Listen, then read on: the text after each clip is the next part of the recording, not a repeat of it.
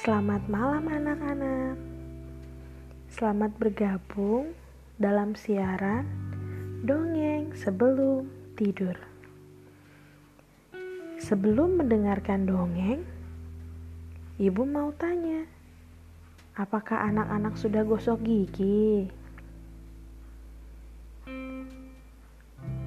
Wah, hebat, sudah gosok gigi. Bagi yang belum, Jangan lupa untuk gosok gigi ya. Nah, sekarang waktunya kita untuk dongeng sebelum tidur.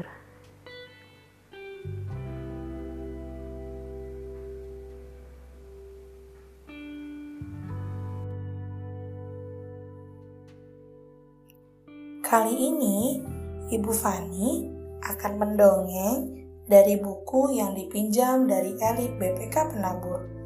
Buku cerita karya Stella Ernest dengan judul Jangan Jorok Dong. Egi suka sekali makan makanan yang manis, seperti permen, coklat, kue manis, dan es krim. Egi juga suka sekali bermain sepanjang hari di luar.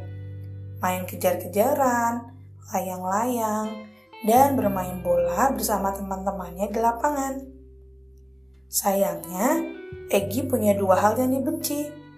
Ia malas menyikat gigi dan mandi. Setiap hari, ia tak lupa makan permen dan coklat. Tapi, apa yang dilakukan Egi di malam hari? Ia selalu menghindar untuk menyikat gigi.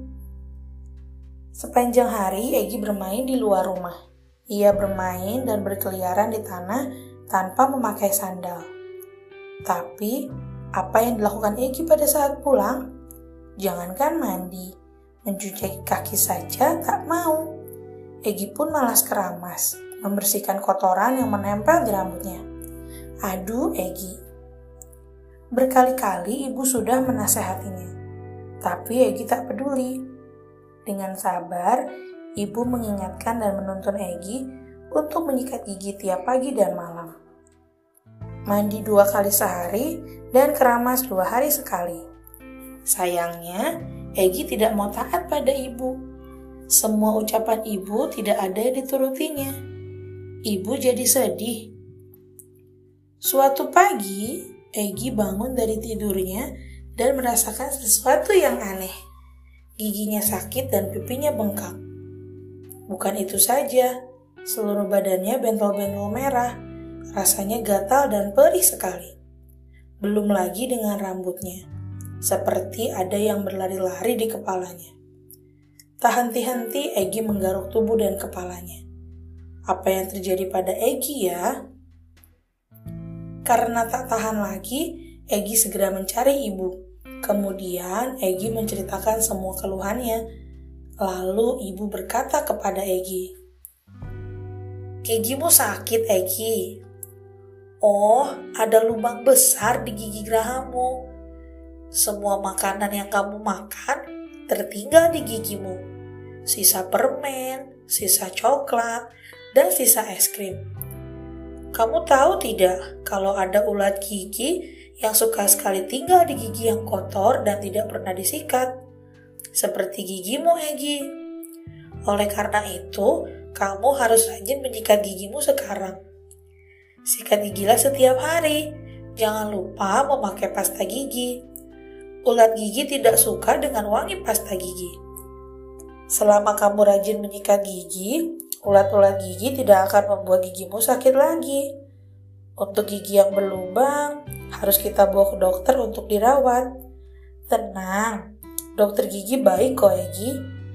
Tapi sebelum ke dokter gigi, Egi harus mandi dulu. Gatal-gatal di badanmu disebabkan oleh kuman. Egi kan suka sekali bermain dengan berlarian. Itu membuat badanmu menjadi berkeringat dan ditempeli kotoran. Keringat sangat disukai kuman-kuman. Nah, dengan kita mandi pakai sabun yang benar, kuman-kuman akan mati. Karena itu, kita harus mandi sehari dua kali supaya badan kita selalu bersih dan kuman tidak suka tinggal di badan kita. Oh iya, jangan lupa juga selalu keramas. Rambut yang tidak pernah dibersihkan dengan shampoo akan bau dan kotor. Itu sangat disukai oleh kutu-kutu rambut. Lalu, dengan cepat Egi menjawab, Tidak mau, Bu. Sekarang, Egi tahu pentingnya menjaga kebersihan diri. Egi janji akan rajin gosok gigi, mandi, dan keramas setiap hari, Bu. Anak-anak, dari dongeng yang kita dengar tadi, kita diingatkan untuk menjaga kebersihan tubuh kita. Rajin menggosok gigi dengan pasta gigi, mandi sehari dua kali, dan keramas. Jangan menjadi anak yang jorok ya. Sekian dongeng sebelum tidur untuk malam ini. Sampai bertemu di dongeng berikutnya. Sebelum tidur, jangan lupa berdoa dulu ya. Selamat tidur, selamat beristirahat. Tuhan Yesus memberkati.